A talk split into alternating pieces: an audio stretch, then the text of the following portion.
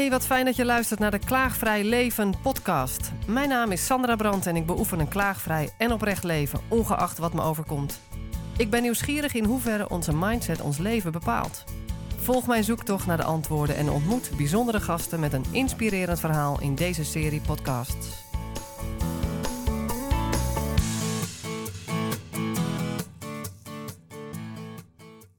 Ja, nou, mijn naam is eh, Bob de Wit, uh, Welkom. Rotterdammer. Ja, dankjewel. Leuk dat je bij me thuis bent. Ja, dankjewel voor de uitnodiging. En eh, jij woont aan de Kralingerplas. Ja, Kralingse Plas inderdaad. Dus ik, eh, aan de ene kant kijk ik op het Kralingse Bos uit. Eh, en daar ligt de Kralingse Plas. En aan de andere kant kijk ik op het Excelsior Stadion uit. Ja, ik heb twee jaar geleden was het geloof ik, toen was de plas helemaal dicht. Toen heb ik hem nog schuin overgestoken met bibberende benen. Oh ja? En toen waren een stel jonge lui die in het midden, echt in het midden graag een foto wilden met elkaar. En die vroegen dat aan een vriend waarmee ik was. Waardoor ze met z'n allen op één plekje gingen staan. En toen begon het dusdanig te kraken dat ik bijna een hartverzakking kreeg. Ik was blij dat we daar weggingen. Ja, het is een gevaarlijke stad hoor, Rotterdam. Heb je ook geschaatst toen? nee, ik ben niet zo'n schaatser. Ik Oh. ben meer een skier. Oh ja. Ga je jaarlijks? Of? Eh gaan jaren skiën. Oh ja. En eh, nou, onze dochter die ging ook vanaf ja, dat ze baby was, is altijd meegegaan. Het kon heel snel kon ze skiën. Heeft nog wedstrijden geskiet, Serieus? zeker. En nog Nederlands kampioen geweest. Serieus? Hoe leuk. Eh, ook internationaal nog. En toen, is, eh, toen ging ze eh, stu- studeren. Nou, dat beviel helemaal niet. Dat, dat, dat was helemaal niks voor haar. Dat, ze wilde liever zichzelf ontwikkelen, maar niet zeg maar, opschrijven wat de ander te zeggen had. Mooi. Toen is ze skileraar geworden in Zwitserland. Dat heeft ze een aantal, jaren gedaan in Saasvee. Nou, dus ja, dan komen we regelmatig daar. Ze is nu even hier, maar ze gaat binnenkort weer terug naar Saasvee. Ah, De dus daar is al... hangen. Ja. Hoe, hoe was dat voor jou om dat zo te horen? Met eh, ik ga niet studeren, ik ga niet naar school. Nou, ik ga het op deze manier doen. Nou, ik, ik vond het wel verstandig. Ehm, ik heb natuurlijk wel gestudeerd, maar ik, had, ik heb ook wel afgezien. Want eh, ja, je wordt in een of ander soort framework geduwd wat je Hmm. moet eh, leren weten. En ik was altijd wel nieuwsgierig om alles te weten wat ze niet vertelden. Dus eh, daar Ja, ben ik altijd mee bezig geweest. Heb ik altijd al gehad, ja. ja. En Wat voor studie heb jij gedaan? Oh, ik heb eerst eh, psychologie gedaan. eh, bijvak filosofie, paardenpsychologie. Toen heb ik ook nog Egyptologie gedaan. Toen ben ik naar Delft gegaan, bedrijfskunde gedaan. Toen naar Rotterdam gepromoveerd. En in al die studies nieuwsgierig geweest naar wat er niet verteld werd. Dus je had er een studie naast. Ja, ik vond het altijd wel interessant om eh, te weten wat er eh, ja, niet verteld wordt. En gewoon ergens in te gaan verdiepen en dan kom je ergens achter. Dus, nou ja, ik heb me ook wel eens verdiept in Egyptologie. Nou ja, ik- ik zal je eens een verhaaltje vertellen. Ik studeerde in Delft. ehm, eh, althans, ik promoveerde in Delft. En toen was ik... ehm, ehm, en om geld te verdienen werkte ik voor Dame Shipyards. Dame die maakt boot, boten, sleepboten en zo. En die moeten dan weggebracht worden naar een klant.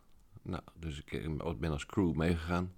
Dus als er dan een kleine crew die gaat dan dat schip wegbrengen, dan heb je een kapitein, een stuurman, een machinist en een kok. En ik was een kok. En dan bracht ik het schip daar naartoe. En eh, mijn laatste zeereis was naar eh, Saudi-Arabië. En toen had ik onderweg een beetje studeren, een beetje koken natuurlijk. Maar ik had ook me verdiept in, in de piramides. En Hoe toen, oud was je toen? Ja, ik denk 26 of zo. En eh, nou, toen was ik in Saudi-Arabië. Ik lever het schip af, pak mijn rugzak en ga naar Egypte toe. En ik had dus alles gelezen over die Egypte, over die eh, piramide. En ik ga daar staan en ik voel gewoon, dat klopt niet. En je bedoelt wat je gelezen had in het, eh, standaard Ja. materiaal wat je vindt. Ja, inderdaad. Hè, over de farao's en, en dat soort dingen. Dat je gewoon in de bibliotheek kan vinden. Ja. En daarvan voelde je de klopt hier iets. Ja, ik stond, ik stond ervoor en ik voelde meteen, het klopt niet. Hè? Dus ik, ik, ben, ik kan redelijk goed nadenken. Hè? Dus, ehm, maar eigenlijk is mijn belangrijkste kwaliteit dat ik intuïtief ben. Dus, ehm, dus ik sta voor die piramide en ik had alles gelezen. Ik denk, dit klopt niet. Ehm, ik wist alleen niet wat het was. Hè? Dat is dan ook weer zoiets. Hè? Dan voel je wel intuïtief, maar wat is het dan precies? Nou, en toen ben ik weer teruggegaan en toen ben ik me gaan verdiepen in wat ik dan niet kon weten over piramides. Nou, en dan kom je dus een hele literatuur tegen, wat niet in de officiële, ehm, eh, officiële boekwinkels eh, en, eh, en aan- aanbiedingen komt te liggen. Maar er is heel veel over bekend. En zo ben ik me gaan verdiepen in de, in de piramides. Mhm. En, zo ben je dus dingen gaan zoeken waarbij het wel resoneerde. En wel dat je voelde, hier klopt die wel. Ja, ja maar... Ja, en daar kwam je wel achter? Uh, stapje voor stapje uh, komen we wel achter dingen die wel opvallend zijn. Hè? Dat bijvoorbeeld uh, dat er meerdere piramides zijn. die piramides liggen over heel de wereld. Hè? In Peru en Antarctica. En op de zeebodem. ze hebben de laatste een gevonden in Bosnië. Hmm. en, um, ja, de, en ze staan allemaal op dezelfde manier naar de sterren. Dus dat is een of andere nauwkeurigheid en wat bedoel je naar de sterren? Want de sterren zijn overal, dus alles staat naar de sterren, zou je zeggen, maar je bedoelt hem anders. Nou ja, het is, het is, het is niet willekeurig neergezet. Het is zo hmm. neergezet dat het een bepaalde stand naar de planeten, naar de, naar de kosmos heeft. Hmm. Um, dus opvallend. Boven, en ze zijn gemaakt van blokken van heel hard uh, um, graniet of zo, of een van de hele andere materiaal. Mhm. En heel nauwkeurig gesneden. Nou, dat kunnen wij nog steeds niet. Laat mhm. staan toen. Uh, dus dan komen we erachter, ja, wat, hoe oud zijn ze nou eigenlijk? Nou, en dan zijn ze dus veel ouder dan, uh, dan, de, dan de farao's vroeger. Dus die hebben een heel verhaal van gemaakt. Daar stonden al piramides en daar hebben ze dan gebruik van gemaakt en een heel verhaal mee verzonnen. Maar dat is iets van 30.000 jaar oud, minstens. Nou, dat is, dan moet er dus voor onze beschaving moet iets anders geweest zijn. Wat dat ook geweest is, weet ik niet, maar dat is heel wat anders geweest. Dus het is veel ouder. Um, dus is heel veel verloren gegaan, kennelijk, in die periode. Ja, en dan ga je ook verdiepen in de andere uh, piramides. Nou, bijvoorbeeld die in Bosnië, hè, daar, hebben ze gekeken. Er zitten 18.000 kilometer uh, gangen zitten eronder.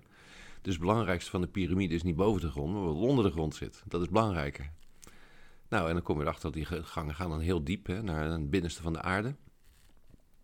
Als je dat doet, je gaat heel diep in de binnenste van de aarde, komt er heel veel tegenkracht. Hè, dan komt een enorme druk komt er dan te staan. Ja, en als je onder water hebt, heb je daar ook? Ja, en dan, en dan, ja, dan lees je van hoe, wat kan dat dan zijn? Nou, dan lees je bijvoorbeeld ook weer dat Nikola Tesla, die heeft ook de piramide van Gizeh hebben ze bestudeerd. Van wat is dat nou eigenlijk? Hè? En dus uh, ze heeft hij helemaal bestudeerd. En um, nou ja, een van de theorieën is van je gaat diep in de, in de aarde en dan, dan ga je naar heel veel krachten toe. Je een tegenkracht. Uh, dan ga je naar het water toe. Dan splits je het water in waterstof en zuurstof die gangenstelsel is om dus waterstof naar boven te krijgen, naar de piramide toe. Daar wordt omgezet de elektriciteit. Dus die piramides, staat er dan, uh, zijn, waren vroeger elektriciteitscentrales. Um, nou, en dan zie je dus, Tesla heeft dat ook bestudeerd. En toen heeft hij, uh, dat is een enorme uitvinder natuurlijk. En hij wilde wel eens proberen of hij dat na kon maken. Nou, toen was er een financier die hem wel wilde helpen. Dat was uh, JP Morgan. Uh, maar goed, hij heeft veel groter gebouwd dan, uh, dan, uh, dan hij verteld had. In Amerika was dat. En het schijnt dat dat, dat een, inderdaad een vrije energieinstallatie was, is geweest. Dat en kun je, je nog één keer rustig uit, uitleggen voor mensen die dit voor het eerst hoorden, hoe dat dan werkt? Hoe wat werkt? Nou, hoe je net even snel vertelde met oh. splitsen even dit en dat. Ja, nou ja, kijk, er is, er is energie voldoende. Hè? Het is alleen maar, we kunnen het niet omzetten. Hè? Op de een of andere manier niet, geen gebruik van maken. Dus, er is energie om ons heen, dus- overal. ja, er is overal energie om ons heen en dat is, en dat is vrij. Hè? Dat is allemaal vrije energie. Uh, we hebben alleen geen mogelijkheid om, om, om dat om te zetten in bruikbare energie. Dus wind kun je omzetten in energie door windenergie en zonne-energie, weet je wel. Dus het, dan zet je dus een bepaalde soort kracht zet je om. Mm uh, en in dit geval is het zo, dus de wet van Archimedes. Ik wil het niet moeilijker maken, maar dat is heel simpel. Uh, als je een emmer water hebt uh, en je legt iets op dat water, dan moet je drukken en dan komt er een tegendruk. Dus ook daar zit een kracht, dat is een wet van Archimedes. Dus mm -hmm. dezelfde kracht die je erin doet, wek je op tegenovergestelde kracht. Juist, ja. Nou, die, die, die emmer water, dat moet je zien als onder de piramide. Dan mm -hmm. ga je mhm. heel erg diep. daar is ook water. en dan op een hele, hele grote diepte is die tegenkracht veel groter. Mm -hmm. Nou, het gaat er dus om dat je die vrije tegenkracht omzet in bruikbare energie. Ja. Nou, en dat wordt dus gedaan door water te splitsen in waterstof en zuurstof. Uh, dat is gas. Nou, dit waterstof dat gaat naar boven de allerlei gangen. Mm -hmm. En mhm. daar was dus een of andere installatie uh, mogelijkheid om dat om te zetten in elektriciteit. 30.000 jaar geleden. Ja, ja. ja. En het interessante is dat uh, Nikola Tesla heeft dat nagebouwd in Amerika. de Tesla Tower um, we weten niet of het gewerkt heeft. Mensen schrijft van wel. Uh, JP Morgan was de financier. En toen hij erachter kwam dat dat vrije energie was. Toen heeft hij de financiering stopgezet aan Tesla. Toen is het gestopt. Uh, na zijn dood is het vernietigd. En niemand meer weet meer of dat uh, gelukt is of niet. Er zijn iets te grote belangen om dat niet te laten doorgaan. Ja, heel veel dingen die in de wereld gebeuren hebben wel te maken met, met belangen die er zijn inderdaad. Ja. ja. Mhm. Heel veel technologie en dingen die we nodig hebben, die zijn er al lang. Mhm. Maar ja, dat, dat wordt dan gepatenteerd of het wordt in de koelkast gezet of het wordt verboden. Of, eh, dus ja, dat is natuurlijk het is gewoon een eigenschap van de mensheid dat er allerlei belangen spelen en dat die nagestreefd worden. En sommige mensen gaan er heel ver in. Waar ik nu even aan denk, wat, eh, wat heel klein is. En mensen die luisteren misschien denken, waar ga je nou heen? Vanmorgen liep ik in een wijk in Haarlem waar alles betegeld is. Tot aan de voordeuren daar in die wijk. Een totaal zieloze stuk. En toen dacht ik, goh, wat toch gek dat niemand daar tegels zelf uithaalt om daar gewoon groen in te doen. En dan is er een soort stukje wat dan gemaakt is als hier is dan groen. Ook gemaakt door de gemeente. En dat wordt dan ook onderhouden door de gemeente. Dus er is helemaal niet meer een wij doen dit gewoon samen en we creëren uh, wat er gewoon beschikbaar is. Ja. En we gaan meer allemaal achteruit en nou ja, het consumeren waarin we geduwd worden, maar daarmee helemaal uit onze kracht worden gehaald. Ja. Op de een of andere manier heb ik een associatie hiermee. Ik weet niet of jij hem ziet. Maar...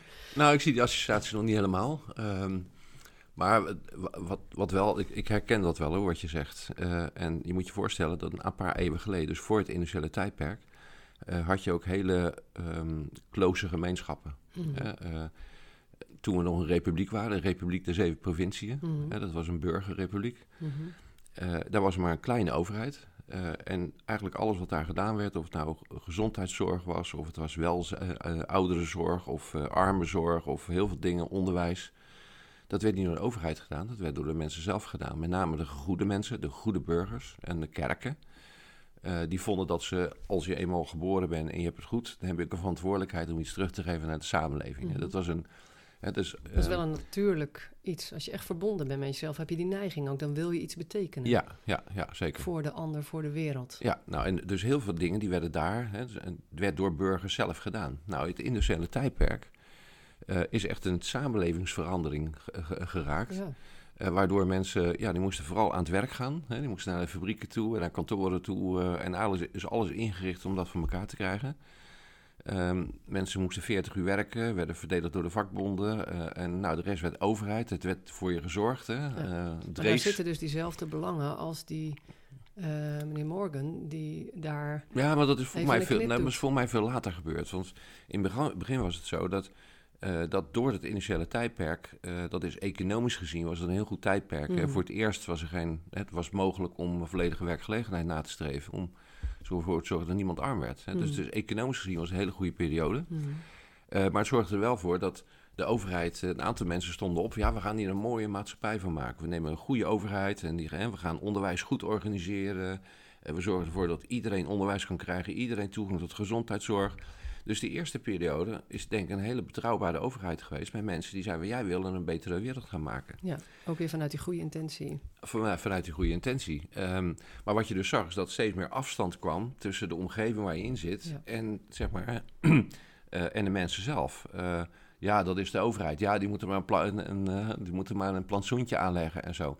En wat je nu ziet, is dat heel veel omgevingen... die zijn ergens ontworpen door een... Door een, een uh, door een ambtenaar die Iemand het eruit besteedt aan, een, uh, aan, een, aan een ontwerpkantoor. Dus dat is helemaal ontmenselijkt. Hè? Dus je hebt eigenlijk een ontmenselijkte omgeving heb je gekregen. En, um, en eigenlijk is dit, uh, maar, maar je zou kunnen zeggen, is een bepaalde manier van, van, hè, van, van omgaan, af, hè, hoe je burgerij en de overheid afstemt. Maar in de jaren 70 is er weer een andere trend gekomen. En dat is begonnen met Milton Friedman. Um, die had een artikel gemaakt, heeft een Nobelprijs voor gekregen. En dat was uh, de enige verantwoordelijkheid voor aandeelhouders om zoveel mogelijk geld te verdienen. Hiervoor was het zo, Mhm. hè, wat ik net vertelde over de republiek, als je het goed had, hè, je rijk of machtig, Ja. dan voelde je verantwoordelijkheid zeg maar, om iets terug te doen voor de samenleving. Ja. Sterker nog, als je heel rijk en machtig was en je deed niks voor de samenleving, dan, weet je, dan was je een outcast en dan werd je uitgestoten. Want dat hoorde niet. Hè? Dat, dan hoor je niet bij de gemeenschap. Maar in 1970 werd dus officieel opgeschreven. De enige verantwoordelijkheid van aandeelhouders is om heel mogelijk geld te verdienen. Dat noemen ze ook wel trickle-down economics. Of Thatcherisme, of Reaganomics, neoliberalisme, er zijn allerlei namen voor. Aandeelhouderskapitalisme. Uh, tegenwoordig zou ik het graaikapitalisme noemen. Maar dat betekent dus dat de enige verantwoordelijkheid die ze hebben... is om veel mogelijk geld te verdienen. Echt het eigen belang. Hè? Dus in het industriële tijdperk zoveel mogelijk het egoïsme... uh, individualisme en ook zeg maar, het graaien zeg maar, is onderdeel geworden van, van deze tijd. En nog steeds zijn er heel veel bedrijven die trekken zich niks aan. Hè? Als je bijvoorbeeld in, in Bennekom komt of zo, die bedrijven daar voelen zich nog steeds verbonden met de gemeenschap. Mm daar, daar, geldt dat aandeelhouderskapitalisme helemaal niet. Dat neoliberale speelt er gewoon niet. die blijven zich verantwoordelijk voelen. Die komen elkaar tegen in de kerk en zo. Maar een aantal partijen hebben dat natuurlijk wel gedaan. Een aantal partijen hebben echt gezegd van nou, het enige verantwoordelijkheid is zo rijk mogelijk te worden. Nou, dat is natuurlijk een aantal sectoren helemaal fout gegaan. Ehm, eh, de wapenindustrie heeft geen belang bij vrede. Nou, dan gelijk, weet je gelijk waarom de oorlog is op dit moment. Dat is, uh, en, de rest is verhaal eromheen. Hè? Uh, als je echt wil weten, voordat mensen nou boos worden, uh, dan moet je echt gaan verdiepen wat daar speelt, want het is veel ingewikkelder. Um, en zo zijn er nog meer dingen waarbij de aandeelhouders, die steeds rijker worden en steeds machtiger worden, steeds meer hun wil gaan opleggen uh, aan mensen. En dat, ja, dat maakt een, um, een samenleving wat je bijna geen samenleving meer kan noemen. Hè? Het is meer ieder voor zich leving geworden. Ja, dan is het eerder duivels dan dat het nog heilig is. Ja, ja het, is, het is een hele. Je haalt als het ware het slechte in de mens naar voren. Ja. Net als dat je een plantsoen hebt en je doet het met z'n allen. je hebt ook steeds meer nu uh, leefgemeenschappen waar mensen het zelf weer oppakken. Nou, daar, daar ligt geen papiertje op straat, want mensen voelen zich verantwoordelijk daarvoor. Dan, dan, dan trigger je als het ware zeg maar, dat gemeenschapsgevoel. Dus je kan eigenlijk zeggen, het, het is inmiddels zo erg geworden dat er ook weer mensen daarop wakker worden en gaan opstaan en gaan doen. In plaats van alleen te klagen daarover, dat ook nou, in ziet, praktijk gaan brengen. Nou, je ziet, heel die veel, beweging wel. Ja, je ziet heel veel initiatieven. Ja, ik ben medeoprichter van Society 4.0, schrijver van de Society 4.0 en uh, coöperatieve vereniging opgericht. Um, en um, nou ja, als je ziet hoeveel initiatieven er zijn voor mensen die zeggen van ja, dit gaat zo niet. En die hebben er niet zo goed over nagedacht en niet zo goed geformuleerd, maar ze voelen gewoon ja, dit gaat anders.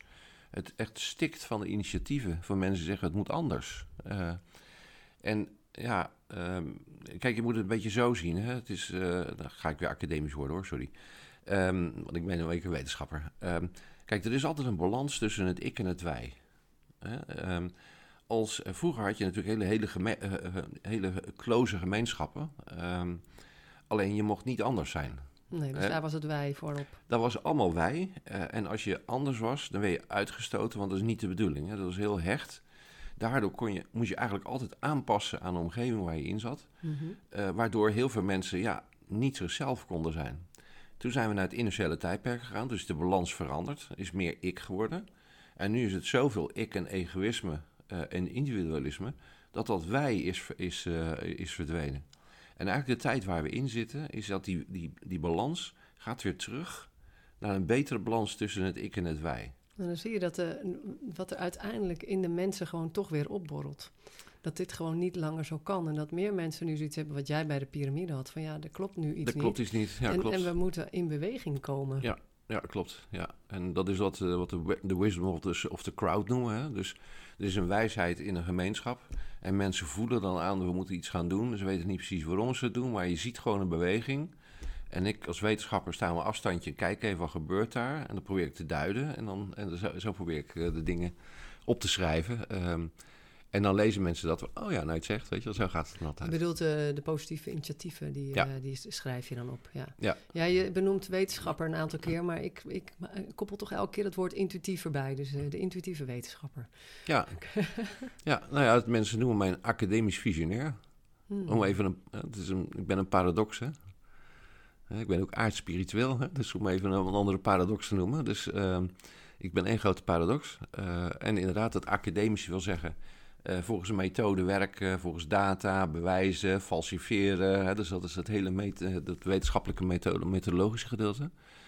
Maar ja, ik gaf het voorbeeld van, ik sta voor een piramide en ik voel gewoon, het klopt iets niet. Ja, dus die, intuïtief, die intuïtie is bij mij heel goed ontwikkeld. Ja. ja, mooi man. En goed dat je die ook gehouden hebt. Ja. Hebt, ja. ja. Hey, Society 4.0, zeg eens, want eh, er zijn er vast nog een paar die daar nog nooit over gehoord hebben. Die moeten we ook even meenemen nog. Ja, dat is heel goed. Nou, um, even als achtergrond. Ik werk op Nijrode, uh, hoogleraar strategie en leiderschap. Ik hou me dus altijd bezig met de toekomst. Dat is mijn vak.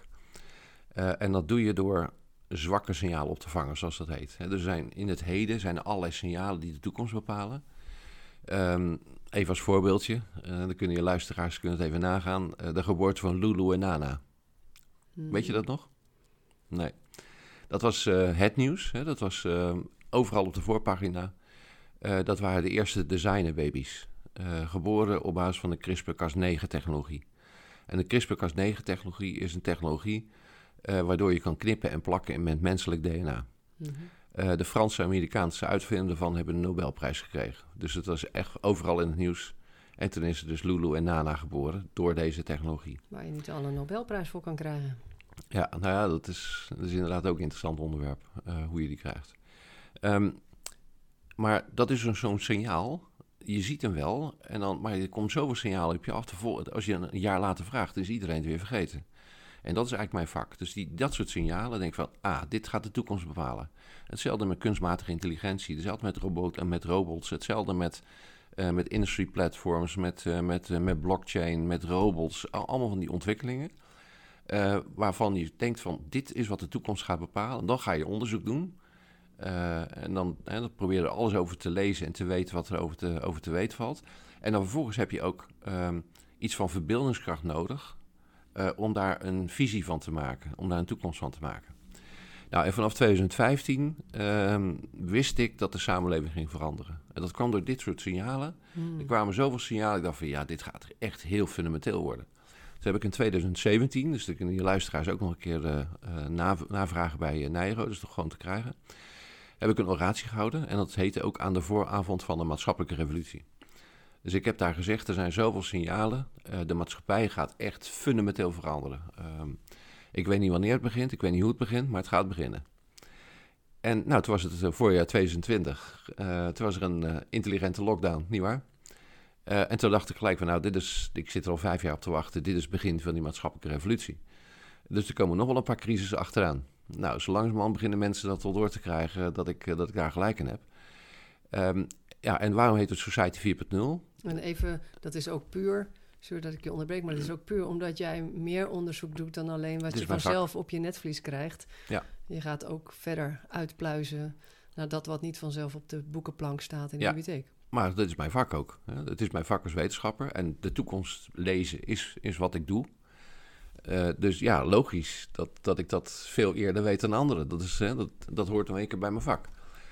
Um, en, um, nou, toen, um, en toen heb ik een boek geschreven, het heet Society 4.0. Dus gelijk na die lockdown dacht ik van, nou, nu is het begonnen. Uh, toen ben ik naar mijn schrijfwerk toe gegaan, heb ik het boek afgerond, waar was ik al een tijdje mee bezig. Society 4.0. En wat, je, wat mensen zich goed moeten realiseren is dat de samenleving waar we nu in leven, uh, is de enige samenleving die wij gekend hebben. Het, dat is nou even zo. En maar wat mensen zich niet realiseren, dat we vaker van samenleving zijn veranderd. Echt fundamenteel. Heel lang hebben we een feodaal tijdperk geleefd. Uh, en, hoe, en wat was dat nou precies? Nou, de enige manier om geld te verdienen, hè, dan komen die belangen weer terug uh, was door heel veel land te bezitten hebben. Want als je heel veel land had, kon je heel veel agrarische producten maken... en kon je heel veel geld, mhm. heel veel geld verdienen en heel machtig worden. Dus dat was een top-down samenleving... Uh, met, met koningen en baronnen. En weet je wat, dat was een elite mhm. samenleving. 10% had het heel goed en 90% moesten zorgen dat ze de volgende dag haalden. Dat is 3000 jaar lang zo geweest. Het was zelfs zo dat mensen dachten van dat is de enige manier om een samenleving te maken. Uh, zelfs Plato zei dat. Plato zei van dit is de enige manier dat een samenleving eruit kan zien. Dat is wat, wat, wat ik noem Society 1.0. En toen kwamen de cracks in het systeem. Um, en Nederland is heel belangrijk geweest in die tijd. Het had te maken met onze ligging. Uh, Nederland ligt heel gunstig over het land, maar ook heel gunstig aan het water. Want een lange maritieme traditie. Uh, en we gingen steeds meer handelen. dus we kregen steeds meer handelsteden. Dus handel werd belangrijker landbezit. Mm -hmm. Nou, toen is er zo'n periode geweest. Dus even, ja, weet je, uh, die landeigenaren bepalen nu wat er moet gebeuren. Maar we verdienen het geld ergens anders. Dus we moeten het echt anders gaan doen. En uh, toen is er een, uh, een moment geweest waarop de Spaanse koning Philips II misdroeg. Met Alva, misschien wel bekend. En toen hebben de Nederlanders zeggen, en nu is het wel klaar. En toen hebben we afscheid genomen van, van Philips II. Dat heet het plakkaat van verlatingen. Dat is de ontstaansgeschiedenis, de, de, is de geboorte van Nederland geweest. Hè, de onafhankelijkheid van Nederland geworden. Uh, en toen heeft het zeven jaar geduurd. Uh, zeven jaar lang wisten ze wel wat ze niet wilden, namelijk uh, mm Philips II en een koning die weer hè, zich gaan misdragen. Maar ze wisten niet wat ze wel wilden. En dat heeft zeven jaar geduurd. En na zeven jaar was de oprichting van de Republiek der Zeven Verenigde Nederlanden. En dat is een totaal andere maatschappijvorm. Dus je ging echt van een, van een top-down feodaal systeem, gingen we in zeven jaar tijd gingen we over naar een uh, maatschappij die geleid werd door handelaren, want die waren economisch belangrijk, en goede burgers, uh, dat noemen we regenten. En dat heeft ook weer een aantal jaren geduurd, 350 jaar, totdat er weer een volgende uh, verandering kwam. En dat was de industriële revolutie, hè, dat noemen we ook een revolutie. dat is de uitvinding door de machine, waardoor je de allereerste machine was Spin Jenny, hmm. een door stoom aangedreven spinnenwiel. Dat was voor het eerst dat er niet met de hand uh, kleding werd gemaakt door een, door een spinnenwiel op stoom. Hè, het was een stoommachine. Uh, daardoor ging het sneller en, werd het, en ging het beter. Nou, en dat was de allereerste machine. Nou, en er kwamen steeds meer machines bij. Eerst met, met stoom en toen op olie. En, en daardoor werd industriële massaproductie werd belangrijker dan handel. En toen kregen we weer zo'n moment, dat noemen ze dan industriële revolutie. We zijn ge georganiseerd volgens een handelsrepubliek, maar we moeten naar het industriële tijdperk toe. En nou, toen um, nou, dan kreeg je ook weer zo'n overgang. Ja, hoe gaat het er nou uit, uitzien? Hè? En in die overgangsperiode waren allemaal van die mensen zoals ik, hè? van die filosofen, van die kletsers. Uh, en die gingen nadenken over hoe die samenleving eruit moest gaan zien, die industriële samenleving. Nou, sommigen zeiden we moeten naar kapitalisme, socialisme, communisme, marxisme, leninisme, allemaal ismes. Hè? Waarvan de mensen gingen nadenken, hoe zou in zijn industriële samenleving eruit gaan zien? Um, ja, je ziet ook dat verschillende landen andere keuzes hebben gemaakt. Rusland heeft een andere keuze gemaakt dan China. Wij hebben weer een andere keuze gemaakt. Engeland ook weer. Ehm, hè, dus het was echt weer een beetje zoeken. Wat is nou de samenleving die, er, die erbij hoort? Ja, en nu zijn we uit het industriële tijdperk. Want de grootste bedrijven, de geld wordt niet meer verdiend door industriële massaproductie. Maar de grootste bedrijven ter wereld, dat zijn Big Tech, uh, Big Finance, Big Pharma, Big Food. Dat zijn de, de grote groepen van bedrijven. Um, dus ja, zij proberen nu ook volgens hun belangen, zeg maar, een samenleving te gaan maken, hè, wat, wat hun belangen dient. Nou, in die overgangsperiode zitten we ook weer. Hè? En, en een daarvan is uh, dat een aantal van die grote wereldspelers, hè, dat moeten we ook niet vergeten, die techbedrijven en die big finance, die zijn groter dan landen inmiddels. Mm -hmm. Heel veel mensen realiseren zich dat niet. En maar ten nu toe was altijd zo geweest dat bedrijven moesten aanpassen aan de wet van het land. Maar ja, die bedrijven zijn zo groot en zo machtig en zo rijk. Die bepalen alles. Die bepalen gewoon alles zelf. Uh, dat, dat, weet ik heel goed. Want um, dat zegt bijvoorbeeld die techbedrijven, nou LinkedIn, daar ben ik nu zes keer afgegooid. Twee dagen geleden weer. Ja, ik kon je niet meer vinden. Nee, ik, nee, ik was, nee, ik was er zomaar ineens afgegooid zonder uitleg of zo. Maar ja, ze zeggen van ja, je zit op LinkedIn, je moet, je moet tekenen voor terms and conditions. Of dat dan bepalen wij wat, je, wat, je, wat, wat mag en wat niet. Dan zitten die bedrijven dus in het, in het publieke domein. Ze hebben dus een publieke rol. Maar helemaal volgens Milton Friedman trekken zich niks aan uh, van de maatschappelijke gevolgen. Ze kijken alleen maar naar de winstmaximalisatie. Dat is wat ze doen. En als ik dan nog dingen opschrijf uh, die ze niet uh, goed uitkomt, dan word ik gewoon afgegooid. -hmm. Want ik zeg echt rare dingen hoor. Ik ben, ben echt een nette man. Dus het zijn nu die, die grote magnaten, die groter zijn dan de landen. Uh, die eigenlijk aan het kijken zijn hoe krijgen we ja. nu de volgende stap ja. voor elkaar. Ja. Uh, alleen uh, de mens begint steeds wakkerder te worden en te voelen er klopt hier iets niet. We moeten iets anders gaan doen en daarin zie je ook een beweging. Ja, nou ja, kijk, ik krijg weer Kost dezelfde. het zeven jaar? Het is normaal gesproken in de geschiedenis altijd zeven jaar geweest. Ja. Wanneer zijn we ingegaan? 2020, hè? Dus we zijn nu drie jaar onderweg, hè, zou ik kunnen zeggen. Dus we, het ergste moet nog komen. Dus de komende vier jaar gaat nog heel, heel onrustig worden. en dan krijg je, zoals ook uit het verleden, verschillende mensen met verschillende perspectieven, hoe die samenleving eruit moet gaan zien. Dat was ja. wat ik hiervoor ook zei. Uh, en wat je, wat je nu ziet, is dat er eigenlijk een, uh, zijn twee tegenovergestelde perspectieven, om het even simpel te houden. Eén is, die grote bedrijven, die willen op wereldschaal hun belangen veiligstellen. Die werken samen met NGO's, non-governmental organizations. Dat zijn er nu 40.000, dat zijn een soort ministeries hè, op wereldschaal. Alleen ze worden niet gekozen. Hè. Dat, zijn, dat zijn activistische groepen eigenlijk. Uh, die werken samen met die grote techbedrijven. En die willen een nieuwe wereldorde gaan maken door te zeggen: van, Nou, we moeten ervoor zorgen dat het klimaat gered wordt. En dat jullie zo rijk mogelijk worden. Dus laten we samen wereldregering gaan maken. En ja, al die mensen, die democratieën, die luisteren niet. Die doen allemaal foute dingen. Ze moeten maar eens eventjes onder controle gaan krijgen. Dat is één perspectief. Um, en dat lijkt een beetje op het feodale tijdperk. Want ook toen mm. was er een groep van 10% die uh, ervoor zorgde dat hun belangen werden veiliggesteld. En de rest um, moest kijken of die de volgende dag haalde. Inderdaad, en de rest moest kijken hoe die de volgende dag haalde. Nou, dat is het perspectief van, uh, van, die, van een aantal NGO's, niet allemaal. Hè. De meeste NGO's zijn gewoon goede, goede organisaties, maar er zitten er een paar bij die kloppen niet. die werken dan samen met die grote techbedrijven. Nou, ook daar, de meeste deugen wel, maar niet allemaal. Hè? Dus zo gaat het altijd in de geschiedenis. Dus die willen een top-down um, samenleving op wereldschaal nastreven. om hun belangen te, realiseren. En tegenover krijg je dan, ja, samenleven is ook samenleven. Dus niet alleen maar een kleine groep laten leven. Uh, dus je ziet hoe meer die druk uitoefenen en hoe meer ze censureren en hoe meer ze controle proberen te krijgen over alles wat je hebt. Want die techbedrijven via je smartphones en zo, al die data die verzamelen, ze weten alles van je. Um, nou ja, en, en je merkt gewoon dat mensen zeggen: ja, maar dit wil ik niet. Ik weet niet waarom, maar dat, dat voelt niet goed. En dan zie je dus overal initiatieven ontstaan. Nou, en dat is dan eigenlijk het voorbeeld van de tegenbeweging. Nou ja, tegen. Ja, en ik zie ook een lijn met uh, de vrije energie door die druk en tegendruk. Daardoor komt er ook energie vrij. Ja, inderdaad. En nu op een andere manier. Zo is dat, ja. ja. Hoe meer druk je erop geeft, eh, heel goed. Ja, wet van argument, dus komt er een tegenkracht die net zo groot is. Uh, dat is precies wat er gebeurt. dat merk ik ook in mijn eigen persoonlijke leven. Daar vertel ik dan nu even niks over. Maar dat, uh, uh, dat het steeds lichter worden... of steeds meer het licht ervaren... gelijk opging de afgelopen paar jaar met het donkerte. Ja. In dezelfde verhouding. Ja. En dat begreep ik niet, maar ergens voelde ik wel volgens mij... maar kan ook bijna niet anders. Ja.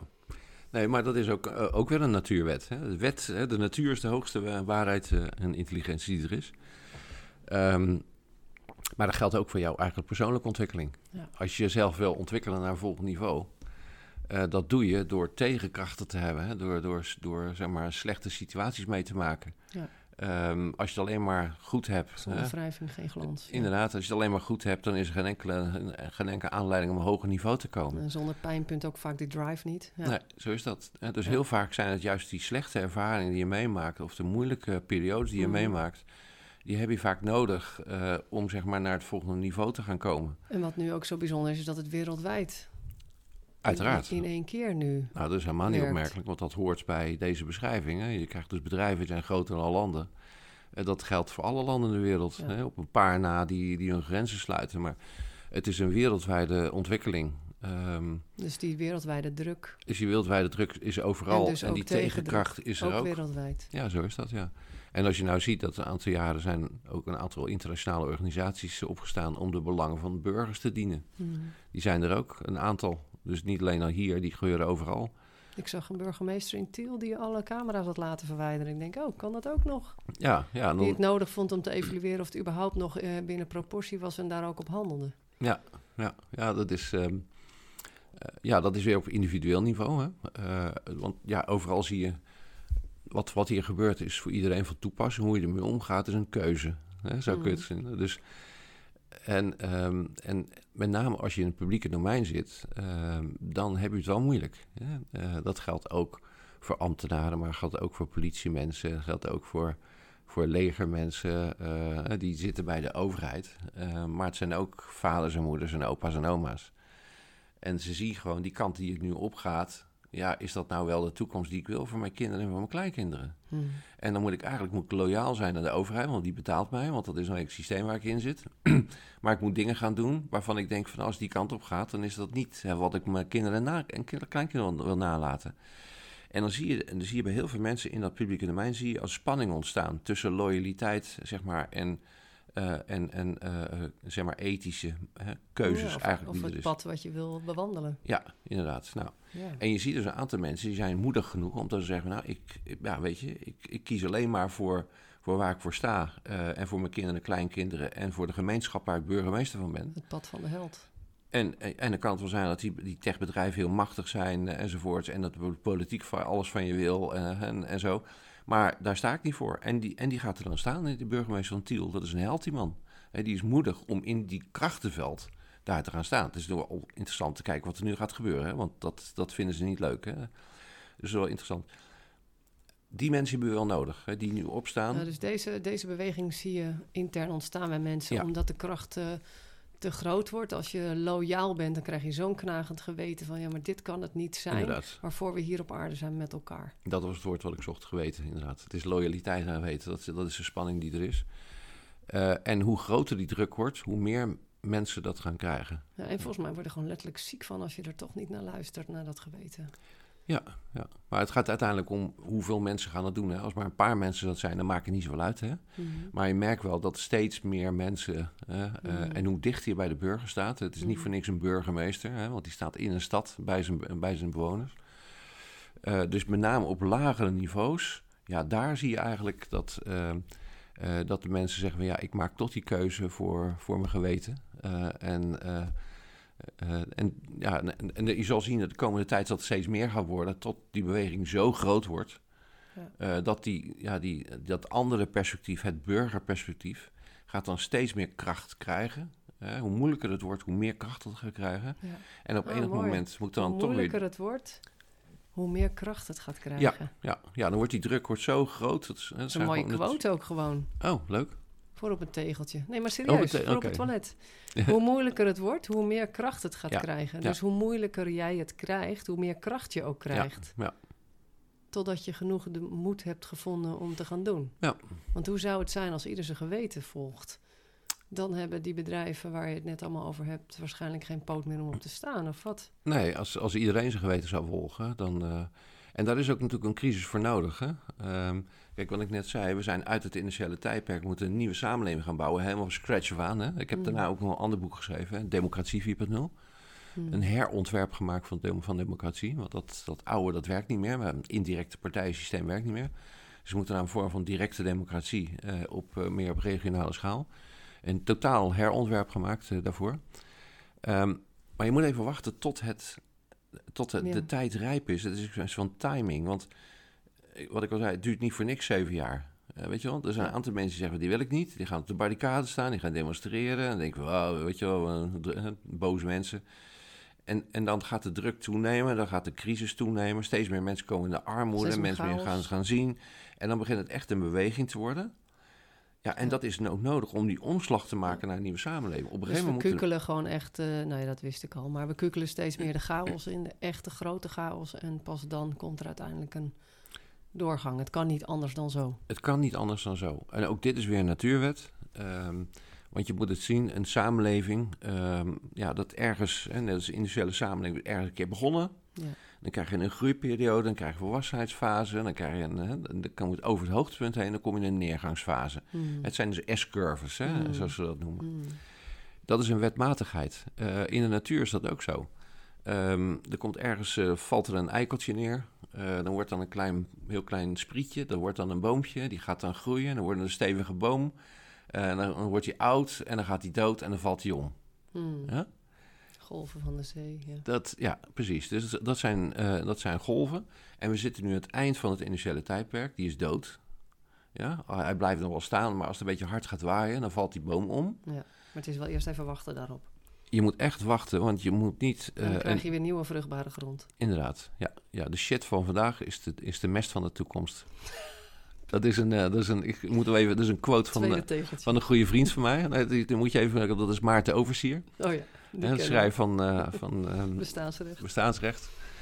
Die staat er ook in. Hè? De shit van vandaag is de mest van de toekomst. En zo Ja. moet je het wel zien. Ja, ja, ik ben altijd wel heel dankbaar met luisteren naar mensen zoals hij of Karen Hamaker... die, die het gewoon zo positief kijken dan weer naar de toekomst. Dat je denkt, oh, prettig. Ja, ja, ja, ja. Nou, Maarten en ik zijn in het begin van de coronatijd elkaar tegengekomen en goede vrienden geworden. Mm. Ehm, en nou, je weet, hij heeft een achtergrond eh, bij de, bij de Indianen in, Mm. eh, in Canada. Mm. Is helemaal die spirituele kant op gegaan. Eh, maar is natuurlijk gewoon een, een aardse Rotterdammer. Ja, Nou, dat ben ik ook. Ehm, dus jullie vinden en, elkaar wel. en ik ben op een andere manier. Nou ja, daar zie je een schilderijtje hangen. Dat kun je op de podcast natuurlijk niet, niet zien, dat snap ik ook wel. Maar dat is, heb ik van Maarten overzier gekregen. Dat Ja. is eh, Winnetou en Old Shatterhand. Eh, en wat, dat zijn wij. Hè? Dus hij is eh Winnetou. Ja. En ik ben Old Shatterhand. Dus lachen? Ik maak het fotootje wel voor de Nou, het grappige is wel dat in deze tijd... we zijn natuurlijk vrienden kwijtgeraakt. Dat zal iedereen wel zijn geweest. Maar ik heb er veel meer en veel betere vrienden voor teruggekregen. Mhm. En, en de vrienden die ik al heel lang had... die zijn nog veel betere vrienden geworden. Mhm. Ook dat is weer druk die nodig is, zeg maar... om uit die Mm. vrijblijvendheid Ja, eh, en naar Ja. de essentie van het leven toe te gaan. precies, ja. Het is het moment waarop je stilgezet wordt om te kijken waar eh, gaat het eigenlijk over. Ja. En wat vind ik belangrijk. Ja, en we En kunnen er heel boos, verbinden. ja, we kunnen er heel boos over zijn. Maar het is gewoon een autonome ontwikkeling. Dit gebeurt. Er zijn Ja. altijd van die golven in, in de natuur, is dat ook. Mm. Dat kun je vervelend vinden, maar dat, dat zijn nou even de, eh, de natuurwetten. En dan moet je meegaan. Het is natuurlijk wel vervelend Sta je er ook echt zelf zo in? Voel je dat ook zo? Ja, ja, zo voel ik het, ja. Hm. Maar het is natuurlijk wel vervelend. Kijk, ik ben eh, eh, in de jaren 50, eind van de jaren 50 geboren. Dat waren natuurlijk goede jaren, weet je Mm. wel. Het, het ging alleen maar groeien, het werd Mm. beter en zo. Als je nu eh 10, 12, 15 jaar bent en je zit in deze periode, dat is niet leuk. Hè? Je ziet heel veel eh, depressieve kinderen en zo, die echt de weg kwijt zijn. Ehm, en dat, dat, is, dat is heel naar. Eh, maar dat hoort wel bij deze periode. Het is vervelend om te zeggen. Net als dat ehm, mijn ouders, die kwamen nog uit de oorlog. Ja. Die hebben dat weer meegemaakt, Ja, weet je wel. Dus ja, liefst zouden we natuurlijk een soort paradijs maken... dat iedereen alleen maar leuke dingen meemaakt. Eh, maar dat is nog een keer niet zo. Dat, Nee. Het zijn golfbewegingen. En we zitten nu in een tussenperiode van zeven jaar... Er gaat echt een omwenteling komen. Er gaat een revolutie komen. Net als de industriële revolutie gaat er nu ook een revolutie komen. Hoe die heet, moeten we nog even afwachten. Ja, inderdaad. Ehm, je kunt er op verschillende manieren over denken. Als je, als je alleen kijkt naar de, de waardecreatie, dan gaat het over digitalisering. Hè? Dat is dan Mhm. digitale samenleving. Maar als je kijkt wat dat betekent voor de mens, ehm, dan denk ik dat het vooral iets is van dat we als mens op een hoger niveau moeten komen. Je zou Ja. ook kunnen zeggen, het is meer een spirituele samenleving waar we Mhm. naartoe gaan. Als ik mag kiezen, die dan, alsjeblieft. Ja, ja, ja. En Dat kan ook. Ik geloof dat het ook bijna niet anders kan dan dat. Ja, we zullen wel moeten. Want ehm, ja, als je, de mens is in het industriële tijdperk ook wel een beetje oppervlakkig geworden. Beetje, ja, een beetje boel. ja, we De zijn, zombie, eh, zombiewereld noem ik het wel eens. ja, we zijn duizenden jaren be- be- bezig geweest met begrijpen hoe natuurwetten in elkaar zitten. En, eh, en over spiritualiteit en zingevingsvraagstukken. Daar zijn we altijd mee bezig geweest. En het industriële tijdperk, ja, zijn we, zijn we eigenlijk menselijke robots geworden die naar het werk gingen. Nou ja, Eh, ik zie het in, het, eh, in de wachtkamers als ik daar langs loop. Ehm, dat je allemaal ontzielde mensen ziet zitten eigenlijk. Ja, eigenlijk wel. Eh, En dat is omdat de- hele zingevingsvraagstuk is eruit gehaald. Eh, Wat is de zin van het leven? Aan het werk gaan en, en geld verdienen, een auto kopen en op vakantie gaan. Ja, dat is natuurlijk, dat, ja, dat kan ik geen hoogtepunt van de menselijke samenleving noemen. Hè? Nee. Dus, dus wij mogen echt wel op een hoger niveau terechtkomen. Eh, en daar is, daar is deze tijd ook voor Het bedoeld. is al vrij snel dan een hoger niveau dan dat. Ja. Nou ja, het zal wel moeten ook, want ehm, ehm, kijk, waarom zijn er 8 miljard mensen op aarde? Waarom hebben wij bezit genomen van de aarde? Eh, omdat we slimmer zijn. Hm. Dat is het. Ik bedoel, wij zijn slimmer dan eekhoorns en eh, zebra's. Mhm. En zo. daarom hebben wij bezit genomen over de, over de wereld. Maar nu met kunstmatige intelligentie, vanaf 2030, dat heet de Agenda 2030, veel mensen weten dat niet. Agenda 2030 is dat de mensen in mijn sector verwachten, 2030 gaat kunstmatige intelligentie de mens voorbij. Ja? Dan kunnen ze beter rekenen, zijn ze analytisch beter. Nou, we hebben het al, nu zeggen mensen, oh, ChatGDP komt uit de lucht vallen. Nou ja, ik ben er al vanaf de jaren 90 mee bezig. Eh, dat zat er gewoon aan te komen. En dat betekent dus, in 2030 komt er dus eh, anorganische levensvormen. Ja, dus robots met hoge intelligentie. eh, of geüpgrade mensen, cyborgs noemen we dan. Vanaf 2030 gaan die dus in onderdeel van worden van de samenleving. Dan is natuurlijk de grote vraag, A, wie gaat erover? Ja. Ja? Als we even die twee perspectieven nemen. Sommige mensen zeggen, nou, we maken een wereldregering in de belangen van die techbedrijven. eh, nou, die gaan dan uit bepalen wat dan met deze technologie gaat gebeuren. Dan zijn zij de baas van intelligente, eh, not-organische wezens, zou je kunnen zeggen. Dat, ja. Eh, mijn perspectief is, nee, we moeten weer teruggaan naar de samenleving. Kijken Mhm. hoe we dat op een nuttige manier kunnen inzetten. Net als Mhm. kernenergie, hè? Mhm. dat is op zich neutraal. Het is maar net hoe je ermee omgaat. Je kan er een bom van maken, je kan er energie van maken. Ook hier geldt als weer. ehm, je kunt mensen met hersenbeschadiging kunnen laten functioneren. En je kunt het weer gebruiken om controle te hebben. Dus dat, dat maakt dus dat Society 4.0 zo belangrijk is. Want daar wordt besloten wie erover gaat. Wie Mhm. de besluiten gaat nemen. Mhm. Dus dat is één. Het tweede is. Dat die technologie gaat komen is wel duidelijk. Hoe het besloten gaat worden, moet er even naar kijken, maar het gaat er wel komen. Dat betekent dat wij niet meer slimmer zijn en dus moeten we als mens op een andere manier onderscheiden. En wat onderscheidt ons dan van kunstmatig leven? Voelen. Inderdaad, dan ga je weer mens worden. En dan gaan we weer naar de geest, naar de ziel, spiritualiteit. Eh, dan ga je weer echt mens worden en geen menselijke robot meer. Dus dat is de tweede aanleiding, waardoor je, weet je, het is niet meer zo dat het dadelijk voor iedereen werk is. eh, of dat we de intelligentste zijn. Dus het is echt een, echt een hele diepe ehm, eh, bestaansrecht wat in het geding is. Eh, dat we opnieuw moeten gaan nadenken wat, wat zingevingsvraagstukken zijn. En die stap moeten we gaan maken. Krijgen we dan een menselijke revolutie? Ja, en dan gaan we een, een mens worden op een hoger niveau. En, en dat kan. Want we zijn zo verplat in het industriële tijdperk. Ja.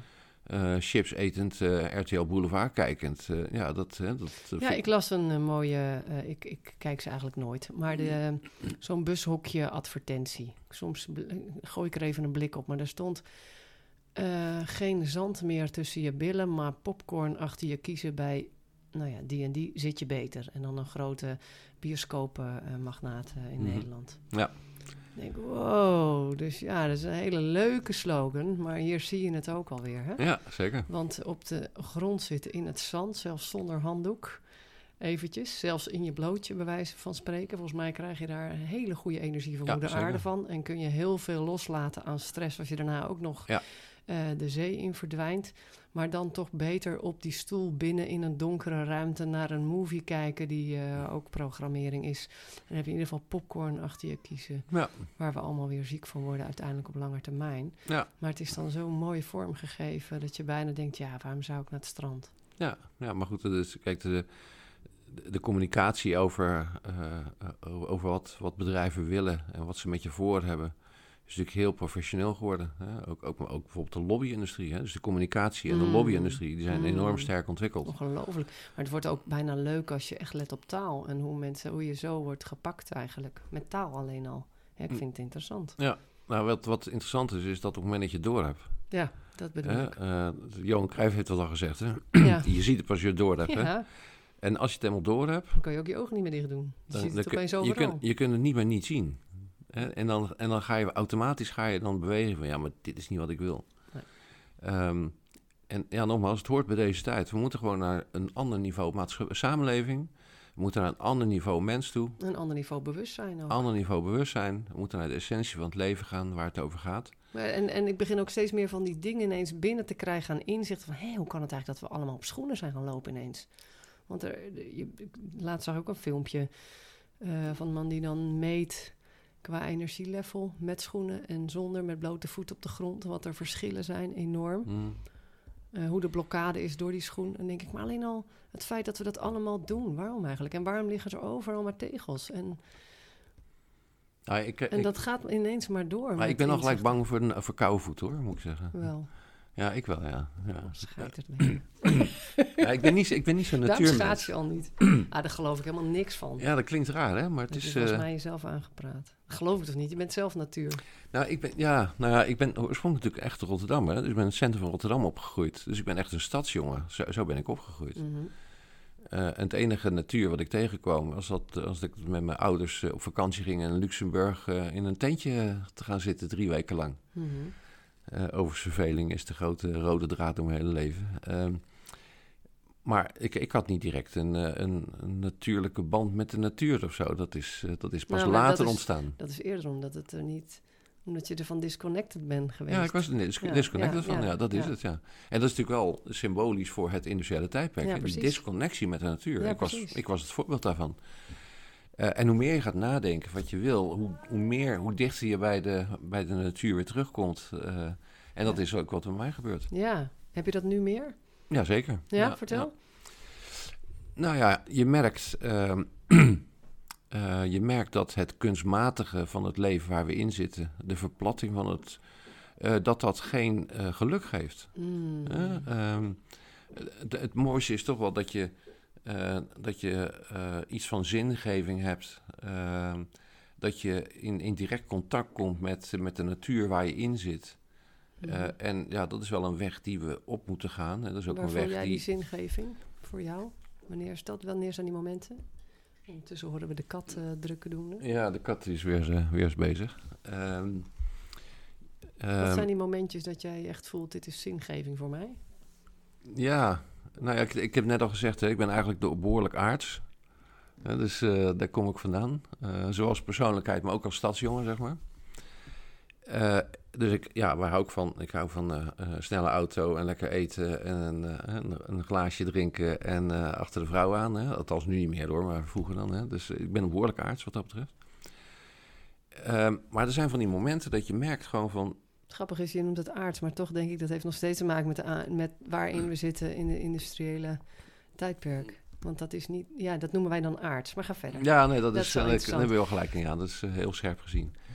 Ehm, maar er zijn van die momenten, ehm, dan kom ik als het ware los van het lichaam. Hmm. Eh, alleen het is altijd even zoeken wat dat is. Hè? Hmm. Dus, eh, en dat, en dat valt, valt niet mee, want ik bedoel, je wordt geboren, daar kun je niks aan doen. Daar heb je niet voor gekozen. Je Nou, wordt ergens zeggen van wel, hè? Oké, dan kom je in een gezin, daar heb je ook niet voor gekozen. Al ik niet, misschien dat er wel voor gekozen is, maar ik niet. Maar dan, dan krijg je het allemaal mee, met allemaal verwachtingen die mensen voor je hebben. En dan ga je naar school, hebben nog meer verwachtingen en zo. Eh, dus wie, waar je dan echt gelukkig van wordt, wat echt je driver is, eh, is best moeilijk om erachter te komen. Dat was voor mij ook, eh, omdat ik goed kon leren. Ik vond van alles interessant. Dan is het best lastig om erachter te komen waar je dan van bent. Op het moment dat je dat weet eh, en je hebt eh, en je, hebt- je kunt helemaal naar jezelf luisteren, naar je innerlijk luisteren. Waar word ik nou gelukkig van? Hè? Wat, wat, wat boeit me nou? Niet interesseert me, wat boeit me nou echt? Nou, mooi. Niet interesseert, maar boeit. Ja. En dan ook de moed hebben, want dat is ook een belangrijk ding. De moed hebben om tegen mensen die verwachtingen te, te hebben, Mm. zeggen van... Ja, het is fijn dat je die verwachtingen hebt, maar ik kies gewoon voor mezelf. Ik, in- En ja, dan ga ik je kies niet voor wat, wat interesseert volgens een ander, maar wat me boeit. Echt wat van- bij mij van binnen komt. Eh, bij mij was het zo dat ik op een gegeven moment erachter kwam dat, dat de toekomst boeit mij. Hmm. Dat is wat mij boeide. Dat duurde een hele tijd, heb ik erachter kwam. Maar de toekomst die boeit mij. Ehm, nou, en dan ga je er helemaal in op, zeg maar. En als ik dan bijvoorbeeld schrijf, dan eh, op een gegeven moment dan begin ik te schrijven. en de volgende dag lees ik terug wat ik opgeschreven heb, kan ik me niet meer herinneren. Dan kom je als het ware in een ander soort dimensie terecht. Een, soort, Hmm. een soort trance of een soort, eh, ja, een bepaalde eh, gemoedstoestand. Waarbij eigenlijk een, een loskoppeling is gemaakt tussen ja, het lichamelijke, zeg maar, het stoffelijke. Mhm. eh, en datgene waar je eigenlijk in verkeert als je helemaal jezelf gevonden hebt. Mhm. Ehm, Een soort samenvallen met alles ook. ja, Mhm. ja, je, gaat, je, gaat op in. Ja. Je, je bent onderdeel van, van, een, van een groter geheel. Hmm. En het grappige is, nou, ik heb het net over Maarten Oversier gehad. Ja, hij, komt natuurlijk, hij heeft het helemaal bestudeerd bij, bij de Indianen. En hij heeft er allerlei ideeën over hoe het erin in elkaar zit en zo. Eh, en dan, eh, dat, dat vertelt hij dan en zegt van ja, het zal wel. Alleen ik heb geen ervaring om dat te kunnen, kunnen. Maar als ik aan het schrijven ben, dan voel ik dat hij gelijk heeft. Ja, Weet je wel? ja, dus dat voel ik wel. mooi hè. Maar op een hele andere manier. Dus hij doet het als een, als een winnaar toe. Voelt hij dat hij ook kan uitleggen met allerlei natuurwetten en regels. Ja. hè, dat is, en die- ik doe het meer als, eh, als een eh eh, Old Shatterhand. Wow. die op zijn paard zit en een revolver in zijn hand. En dan plotseling ziet hij wel hogere sfeer. Weet je wel? Het, is een, het zijn hele andere wegen. Ja, dus ik hoor je, als ik je vraag, van, goh, wanneer is die zingeving bij jou? Dan heb je het eigenlijk over wanneer je in hogere sferen zit. En Voor dat je wel. oplost in het geheel. En dat heb jij schrijvend, ervaar je dat? Want de volgende Ja. weet je niet eens meer. Want het is eigenlijk een ander bewustzijnsniveau. Ja, dat is een En daar zit voor jou zingeving of nee, de Ja. hogere sferen. Ja, en dat is... en Is, wat- is dat ook een soort van ja, be- bedoeling eigenlijk dat we ons daar steeds meer eh, toe begeven? Of zorgen dat eh, omstandigheden worden dat we daar contact mee kunnen krijgen? Ik denk dat het wel deze tijd is eh, om als we die technologie waar ik net over had. En we moeten echt mens worden. een, een, een human resource. Hè, Als of een, tegenkracht. daar gaan we het niet meer van redden. Dus we moeten, het enige wat we kunnen doen is meer mens worden. Ja, En dat betekent dat we de moed moeten hebben om mens te worden. zijn, ja. Ja? En dat is best lastig, want dan moet je Mm. afscheid nemen van een aantal dingen. En de je moet echt naar jezelf ook. luisteren. Je moet naar je omgeving zeggen Ja. luister, je hebt mooie verwachtingen, ik ga het toch niet doen. Want het hoogste wat je kan worden is jezelf. Nou, dat, dat, dat heeft moed nodig. Dan moet je ook een aantal dingen eh, doen en een aantal dingen moet je afstoten. Eh, je gaat die onzekerheid in, want je weet wat je achterlaat, maar je weet niet waar je naartoe gaat. Dus er zitten best wel een aantal hele, Mhm. ja, een paar stappen in die heel veel mensen eh, moeilijk zullen En, vinden. en ik hoor je ook zeggen, dus die loyaliteit niet meer zozeer of wat er van je verwacht wordt, maar meer je, eh, jezelf. Maar volgens mij bedoel je niet meer die individualistische samenleving van dat het om jezelf gaat, Nee. maar dat je gaat doen wat hier, wat, waarvoor je hier gekomen bent. Ja. En, eh, en Ja. daarmee weer vanuit wat er vanuit van binnen uitkomt, dat je iets wil bijdragen aan de wereld en aan het mens zijn. Ja, ja en, en op het moment dat je... Want dat is de wisdom of the crowd, hè, of de wisdom of the swarm, hè, in de natuur heet dat. Het, de, de paradox is weer, je moet zoveel mogelijk jezelf kunnen zijn... Mm. om de, om, om de mensen om je heen te verzamelen waar je mee kan spiegelen. Want als jij niet bent wie je bent, Krijg je dan mensen krijg je ook verkeerde mensen om je heen. Ja. Ja? eh, en hoe vaak hoor je niet dat, dat als je tegen iemand zegt, joh, eh, stel je voor, hè, je hebt de staatsloterij gewonnen, hè, je bent nu rijk, wat ga je doen? Stoppen met werken. Ja, dan, dan voel je al, van mensen hebben dus een keuze gemaakt omdat ze inkomen moesten hebben, of omdat hun vader of moeder dat heeft gezegd, of omdat de, de school je die richting op gestuurd, wat dan ook. Maar je komt, uiteindelijk kom je terecht in een, in een straat waar je inderdaad geld hebt om een autootje te kopen en, en zo-. Maar niet waar je gelukkig van wordt. Nee. Nou, en dat, dat kan voor een aantal mensen een, een hele stap zijn om dan te zeggen: Oké, dit wil ik niet. Maar ja, dan moet je dus een aantal stappen door. Wat wil ik dan wel? En afstand nemen en voor jezelf kiezen. En het is juist dat individuele, helemaal jezelf kunnen zijn. Daardoor kun je een bijdrage leveren aan de intelligentie van het geheel. Prachtige afsluiting ook.